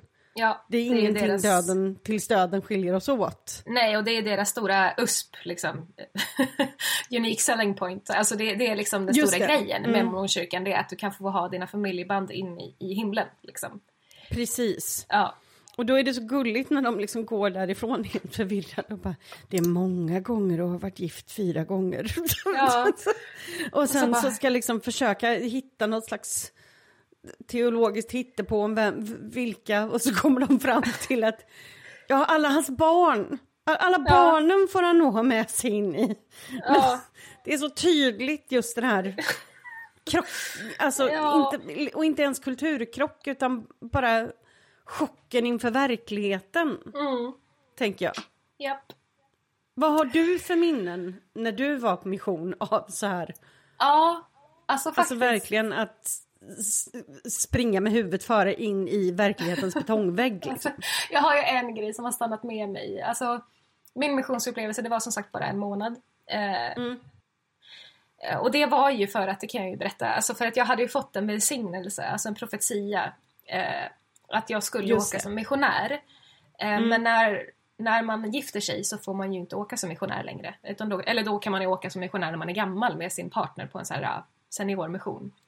Ja, okej. Men som ungdom så kan du inte åka som gift. Aha. och så förlovade jag ju mig då. Och då bara, men jag har inte varit missionär så då såg jag ju till att uppfylla den profetian själv genom att ringa till missionspresidenten här i Sverige och se till att jag fick komma ut på en korttidsmission. Ja, eh, vilket ja, ja. framhölls eh, som någonting väldigt trofast och eh, fint exempel där runt mig. Men ja, eh, så gjorde Ja. jag. Ehm, så, så jag var ute som 21-åring då, fyra veckor och eh, Alltså det var ju speciellt för att jag var ju med två tjejer från Utah och så var det jag som Mm. var svensk så jag pratade ju språket och kunde kulturen och de var ju liksom ganska lost. så. Ja, så, Eh, såklart. Ja. ehm, så att jag kunde ju liksom komma människor närmare kanske på ett annat sätt än vad de kunde och det kunde Mm. den äldre, eller hon som hade varit ute längst, hon kunde inte riktigt ta det kring mig tror jag så det var ganska Ah, dålig okej. stämning där. Ja. Men jag minns så mycket en man som vi kom hem till. ehm, han var ju en sån här skön lirare va. Han gillade väl öl Ja. och liksom sitta på krogen och du vet Ja, ja. snacka livet liksom sådär. ja Eh, precis. En ljug, ljugarbänksprofil. ja, något sånt. och så han var ju bara så här, han tyckte väl bara det var kul att det kom några tjejer hem och ville snacka om Gud och livet typ. Så han Ja. bjöd ju hem och så det var inte första gången, det var första gången jag var där men de hade besökt honom tidigare. Okej. Och så sitter vi, alltså för det som var då var att missionärerna har liksom ett gäng lektioner som man, man har liksom första, andra, tredje, fjärde, femte lektionen sådär som man ger till de som undersöker kyrkan. Och då tror jag vi var på andra eller tredje lektionen som handlar om liksom mormonernas syn på evigheten liksom och himlen och efterlivet. Ja, ja. Det cel- Ja. celestiala riket. Ja, precis. För att det, målet med mormonismen är ju att man ska komma till celestiala riket. Och så då Mm. sitter jag och pratar med den här mannen om liksom, ah, det här så ska vi liksom, målet är att komma till celestiala riket. Och så här, han bara, ah, alltså, ja men det är det där, vet du.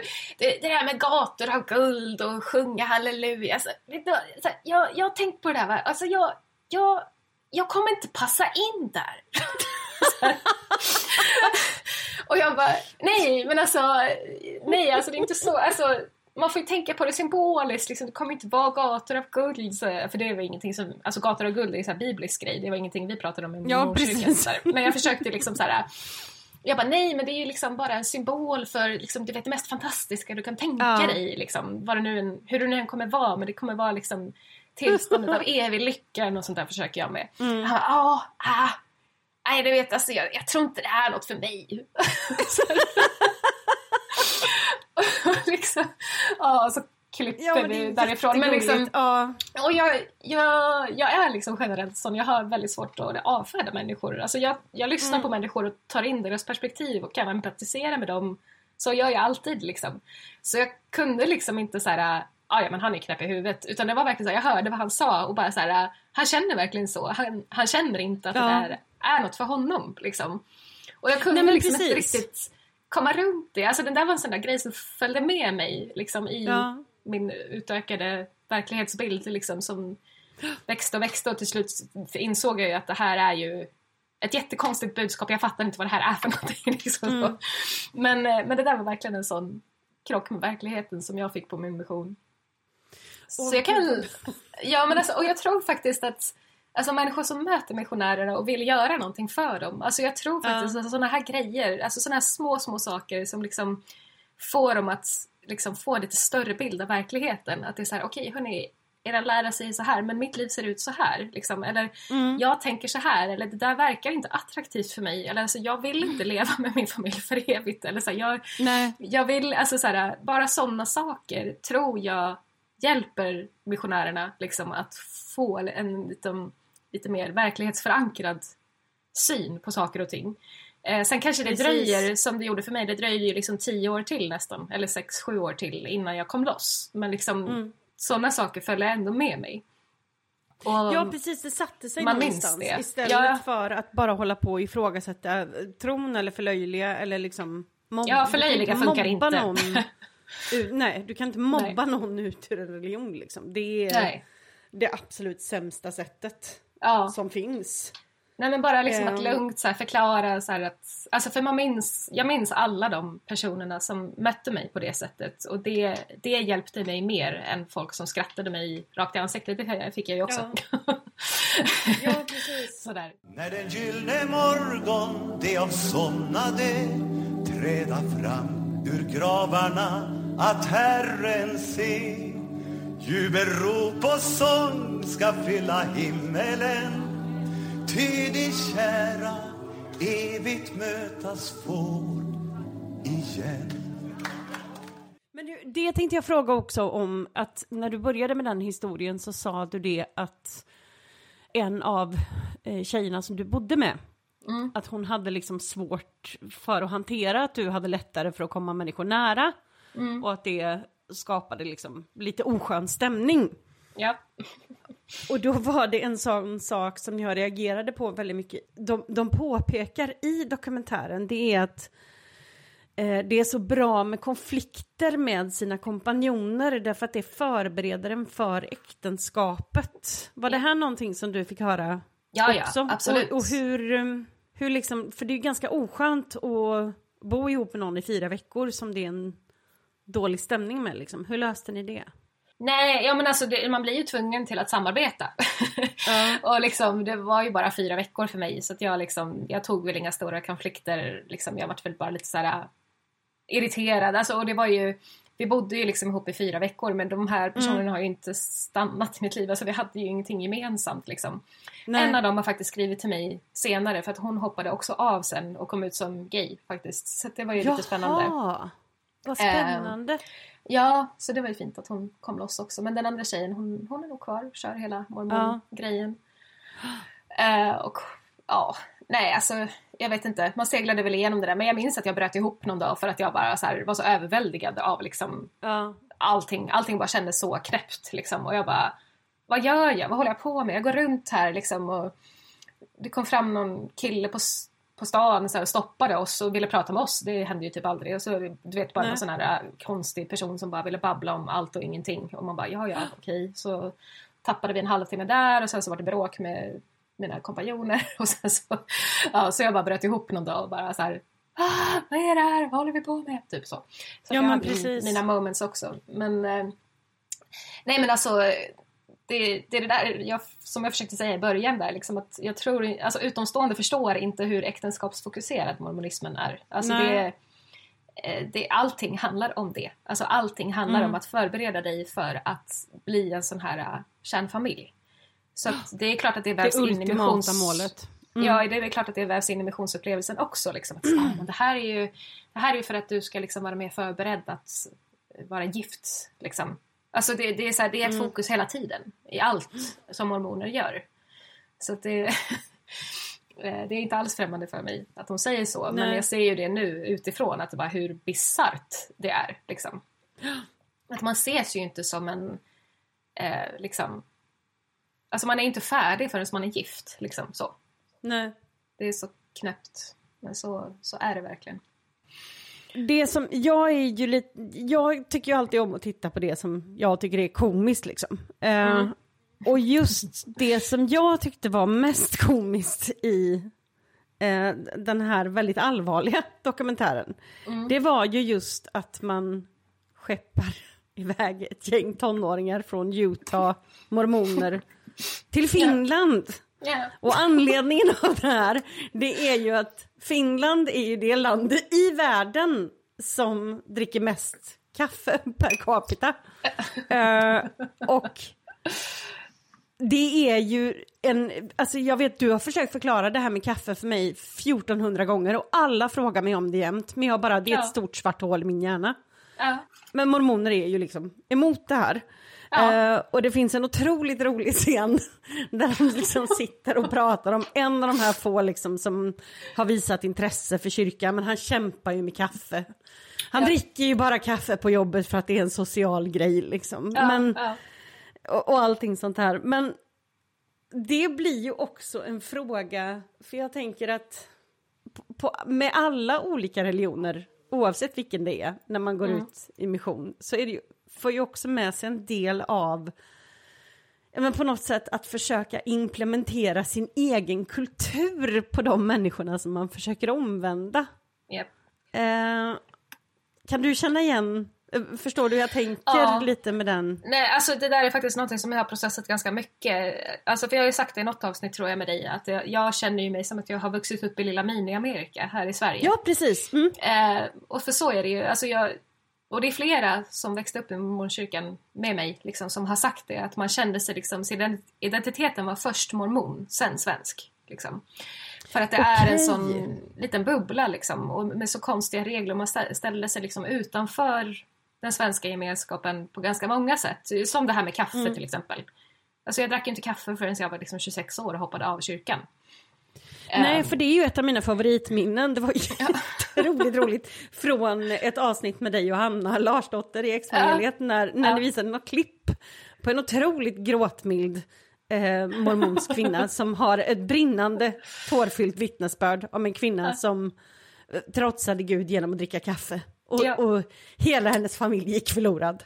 Ja, nej men alltså it's for real. Alltså det är, Ja. det är extremt alltså, och det är så knäppt. Det är liksom det är ju mera snack om det här än typ alkohol i mormonkyrkan. Alltså det, Ja. kanske för att alkohol är liksom gemene man överens om att det är skadligt så därför är det inte så Precis. mycket att orda om ofta. Ehm, men kaffe är ju liksom just det som särskiljer oss och vi måste ha så otroligt mycket argument för det här förbudet som är Ja men precis, allt, men kan vi liksom. bara ta en liten avstickare och du, kan du gå igenom? För att Ja. jag, jag, må, jag måste, det här måste sätta sig i min hjärna. För då har jag det inspelat och då kan Ja. jag gå tillbaka och lyssna. Ja. folk frågar mig om det här ganska ofta i och med att jag Frågar spelar in med dig. Liksom. det- Nej men det det är här med kaffegrejen. Ja, Eh, I och med att jag spelar in med dig. ja. Och varenda gång så får jag panik och säger jag ska fråga Anna och sen så Ja. glömmer jag ju och frågar Ja. dig varenda gång. För jag är ju sån. Men vill du Men gå igenom det här? Ja, absolut. Alltså det är ju... Och, och det är så knäppt egentligen. För att det, alltså mormonerna har ju flera skrifter. Va? De har ju Mormons bok.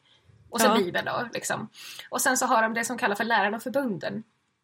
Som är Okej. Joseph, Smith, Joseph Smiths uppenbarelser. De trodde jag ingick i mormons bok. Nej, Mormons bok är liksom en egen uppenbarelse. En stor typ. och sen så liksom Lärarna och förbunden är hans samlade uppenbarelser sen under de, kyrkans första år typ. Och då är det förbunden, jag tror att det är kapitel 89, eh, som kallas för visdomsordet. Som är en väldigt out, jättekonstig profetisk sak om vad som är bra för människokroppen och inte, typ. Och det, det, är så här, det är jättemycket grejer. Det är typ så här, man ska bara äta kött på vintern till exempel. Så står det, men det är ingen som följer. Och sen så, så står det typ så här havre för hästen och råge för oxen och vete för människan. Är också en sån där grej som ingen följer. Men det står också där i Ja. samma kapitel. Eh, och sen så är det typ, ja det är flera saker, men så en av verserna där då, i det här kapitlet står det så här, och man ska inte dricka heta drycker. Eh, och det, det. Så det står inte ens kaffe, men liksom någon annan då, efterföljande profet har liksom tolkat in det här någonstans i kyrkans tidiga historia, jag kan inte helt historien, men som Något att det handlar om, ja, någonting, någon tolkade det här som att heta drycker är lika med kaffe och te från tebusken, alltså svart och grönt te. Så, alltså, alltså- koffein blev det liksom destillerat till. Det är ju det som jag inte förstår, Mm. för att jag, om det gäller heta drycker, man kan ju se, alltså, du har ju nämnt det tidigare, Mm. eh, och det har jag liksom hållit, hållit lite koll på, att just att du har sagt att du har liksom inte det här med alkohol eller alltså sådana saker, men att det knarkas socker, Ja. som om det inte fanns en morgondag. Ja, Och det kan man ju se liksom också hur de sitter och är helt lyriska över sin varma choklad liksom. Men då, det är ju också en het dryck. Varför? Ja, nej, men det, det är just koffeinet. Alltså, så att jag, jag var ju också förbjuden att dricka Coca-Cola till exempel när jag växte upp i min familj. Och det var lite olika hur Ah. familjer såg på det här. Men generellt så är det liksom kaffe är den stora liksom, Den stora skiljelinjen. boven liksom. Så Ja. att eh, när vi ex-mormoner träffas, det är alltid så här, bara, vi ska gå och ta en kaffe. Så alla bara ja. Det är, så, här, det är så man kan Alltså, kolla. Är toppen. Det, Ja, men, det är så man kan kolla liksom lite snällt så här, Ja. bara, ska du ha en kaffe? Det är så här, ja, Ja. bara, okej, då vet jag, då är vi på samma lag. Så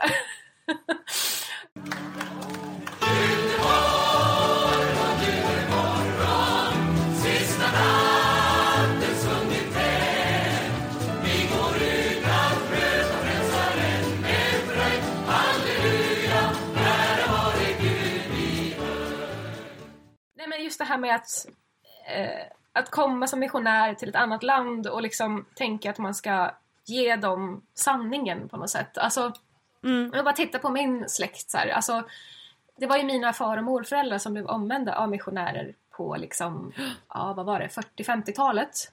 Mm. Eh, de, alla mina mor och farföräldrar var ju eh, flyktingar eller immigranter efter andra världskriget.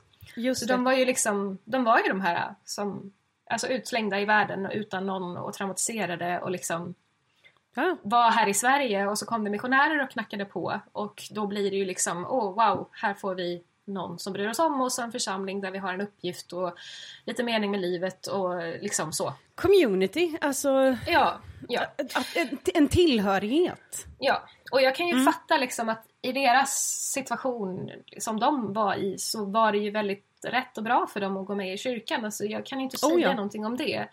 Samtidigt som jag kan bli så himla, alltså jag har ju varit så himla ledsen och bitter på att jag liksom, jag fick inte växa upp som svensk i mitt eget land. Mm. Utan jag var i den här lilla konstiga, obskyra subkulturen.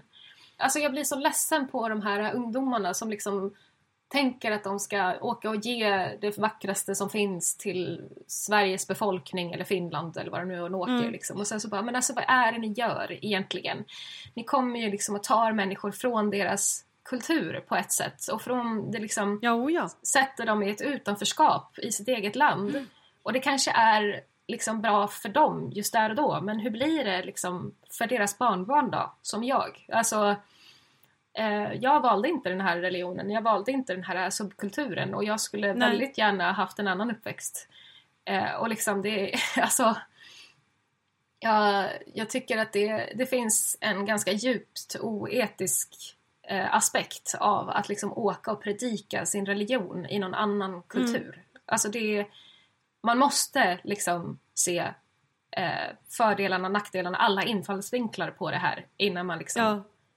Eh, bara åker och gör det på något sätt. Alltså det, Nej, men jag, det, det är ju exakt det, jag kan ju tänka på det för jag vet att ehm, Carola hade ju yttrat sig nu i veckan om att man kan inte, man kan inte komma till ett annat land och bete sig som man vill.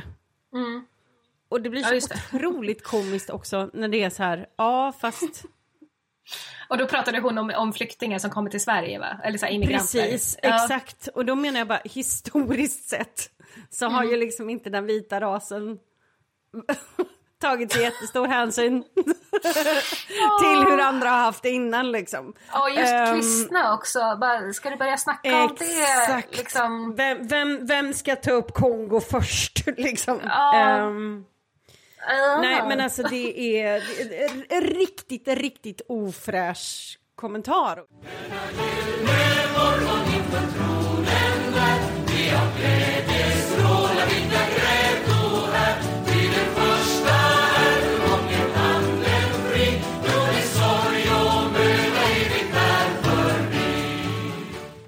vi spelat in en stund, men jag skulle vilja fråga dig, Anna, har du liksom några så här sista tankar som du känner att du inte vill att eh, vi alla går miste om? Ja, nej men alltså någonting som jag tycker blir så tydligt i den här dokumentären som är någonting som jag är ganska upprörd på generellt. Det är Mm. ju liksom hur de här ledarna pratar med de här ungdomarna. De liksom säger saker som att eh, om ni gör detta så kommer Herren välsigna er med det här och det här och liksom om du gör eh, ja, alltså det är väldigt mycket Om löften du hela gör tiden. allting rätt så kommer Gud välsigna dig med det här och det här och det här. Ja, precis. Och liksom hur det blir så här, skötreglerna så kommer Herren sända människor i din väg som är eh, beredda att Öppna höra för evangeliet. evangeliet, ja. Ja. Eh, och det finns ganska många historier liksom, om personer som har utvecklat det här som vi pratade om i tidigare avsnitt, det här med scrupulosity. Alltså den här... Ja, skroppla hoppla. Ja, skrupelhopp. Ja. Precis, Mm. men som är en, liksom, en form av psykisk ohälsa som är liksom religiös OCD. Alltså att du Precis. du Tvångsbeteende. Får, ja, du får liksom tvångsbeteende att liksom hålla religiösa regler för att du tror liksom att ja, annars går jorden under i princip. Och det här är ju Mm. ganska så här, alltså en mission är ett ganska bra recept på att utveckla scrupulosity. Liksom. Alltså det är Precis. otroligt minutiösa regler. Och sen så följs de också av sådana här andliga löften från de här ledarna Mm. konstant. Liksom, gör det här och det här så kommer Herren välsigna dig och bla bla bla. Och jag tycker det där, alltså Ja, alltså det där är ju så manipulativt. Alltså, Ja. vad har de för bevis för det? För att du på riktigt kommer få eh, välsignelse från Gud om du lyder den här och den här regeln. Alltså det finns Nej, men det ju inga sådana bevis. Alltså man får inte säga så till unga människor. Det, det är liksom... Det är, så här, man, man kan, alltså det, det är så oetiskt. Alltså det, du kan inte stå och prata med liksom människor under stark påverkan eller i unga år och liksom lova dem saker eh, på ett andligt plan. Alltså för det är så här, ska du liksom få människor att göra någonting som är dessutom så krävande, liksom, som att ge två år Ja. av sitt liv till det här. Då måste du ha ganska rejält med bevis på fötterna innan du liksom säger, ber någon göra det. Alltså det, man kan inte, alltså man får inte prata så med barn. De är ju nästan till barn. Alltså de är ju Ja, vuxna men men, de är knappt, liksom. tonåringar liksom. liksom. Och, och det Ja. som stör mig det är ju också det här att till exempel han då som blir sjuk och blir hemskickad. Ja precis, jag faktiskt Var är Guds ner... löften för honom? Ja, och hans, alltså jag skrev faktiskt ner ordagrant vad hans missionspresident säger där liksom när han har det här mötet för att bli hemskickad. Just det. Kan inte du läsa det? Ja, även om du har känt att uppdraget är dig övermäktigt så har du fått det av Gud. Allt har gjorts av kärlek och av omsorg om ditt välbefinnande. Och jag bara såhär, bullshit. Ja, men alltså, jag bara, av omsorg av ditt välbefinnande. Nej, hör, hörru, hörru, hörru. Här är en kyrka. App, app, app. Här är en kyrka som liksom indoktrinerar barn från tre års ålder till att göra det här. Mm. De liksom pressar dem otroligt eh, med liksom en kulturell eh, kontext som Ja. kräver att de ska göra det här. De får betala själva. Och det är en otroligt osund miljö att befinna sig i. Och liksom, det är inte första gången som en, liksom, någon knäcks av det här systemet. Alltså, det är Nej. ganska vanligt att liksom, folk dukar under i psykisk ohälsa på grund av det här missionärsprogrammet.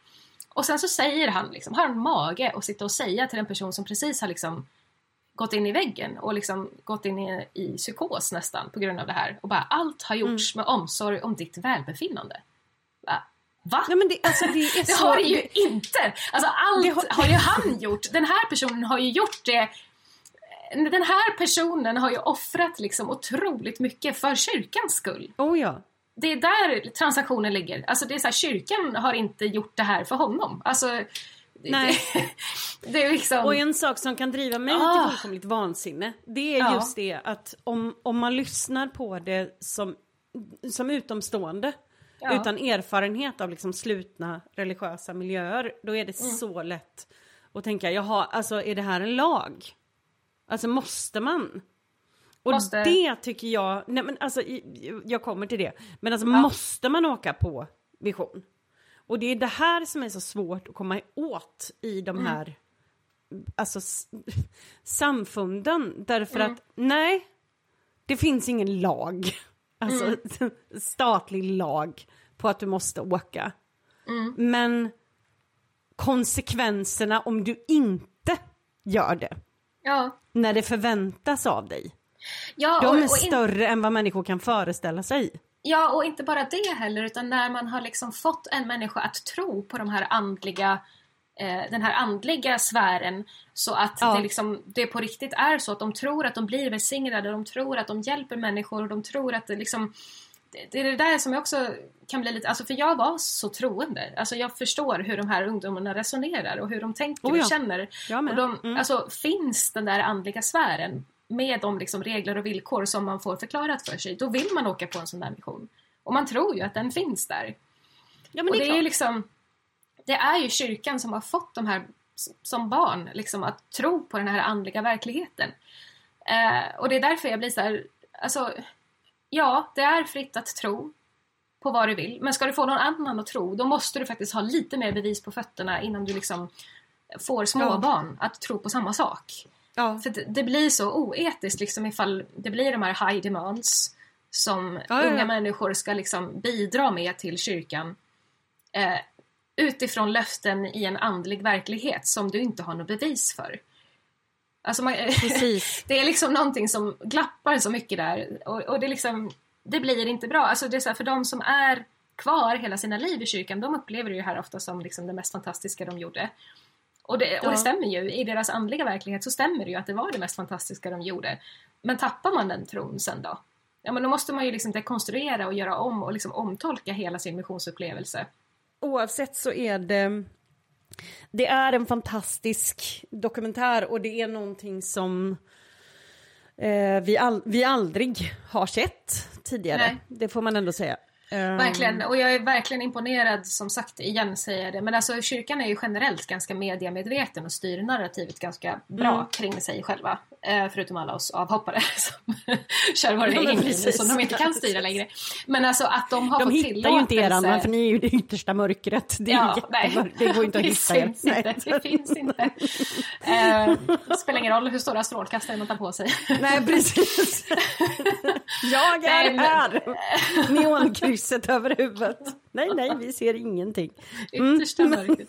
Nej men alltså att de har fått tillåtelse att komma in på de här, alla med de här mötena och även i de här privata liksom, tvåmansmötena liksom, med missionspresidenten och en missionär, att de ändå har fått filma det. Alltså jag, är, jag bara, hur? Hur fick ni till det? Wow! Och bara Ja, komma, det, in på, det var på, otroligt. komma in på MTC, det får man ju liksom. Alltså jag tror inte, jag bodde ju Nej. där ganska nära bredvid MTC i Utah. Och det var Okej, ju liksom, mm. man, får inte, man får inte gå in där. Alltså det är liksom, det, det var liksom specialtillstånd. Jag skulle kunnat ansöka om att bli volontär och att de skulle få träna svenska med mig. Då hade jag fått gå in där. Wow! Det är så Eh, pass låst alltså. Ja men alltså man, man får inte det. Nej.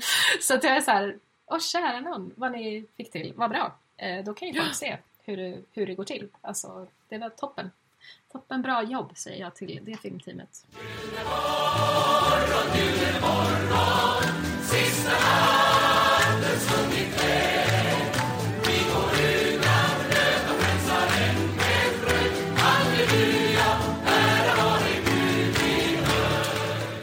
Utöver det så tänker jag väl att vi avrundar för idag. Så jag får ju säga ett väldigt, väldigt varmt tack Anna. Ja, tack För att själv. du var med. Igen. Men tack för, alltså, och det, jag tycker att det är så härligt för att det, de här åren som avhoppare så är jag liksom så här, okej jag var i Utah, jag var missionär en månad, jag liksom spenderat så mycket tid i den här kyrkan. Alltså, på, det, har varit, det har känts så bortkastat på något sätt. Alltså, jag har varit Ja. så ledsen på all energi och tid som jag har spilt på den här organisationen. Precis. Men liksom att få sitta här och liksom prata Ja. om det på det här sättet, att det är så här, ja det kan faktiskt bli värt något, alltså det kan faktiskt ge insikt för andra människor kanske. Alltså det, Alltså- gör, det gör jättestor skillnad och inte bara, jag tror att det är det som är viktigt för dig att komma ihåg liksom att det var ju därför som jag fastnade för dig liksom också när du var med i evangeliet, just det här att för mig så var det ju helt otänkbart tidigare att jag skulle ha så mycket gemensamt med en före detta mormon. Ja, För jag tänkte ju att det så... var liksom Alltså, helt skilda.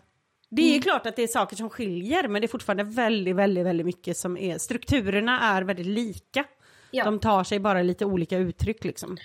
Tack snälla för idag. tack. Tack Det själv. var toppen att du var med, Mm. som vanligt. Men då, då hörs vi snart igen. Det gör vi. Ha det gött, hej.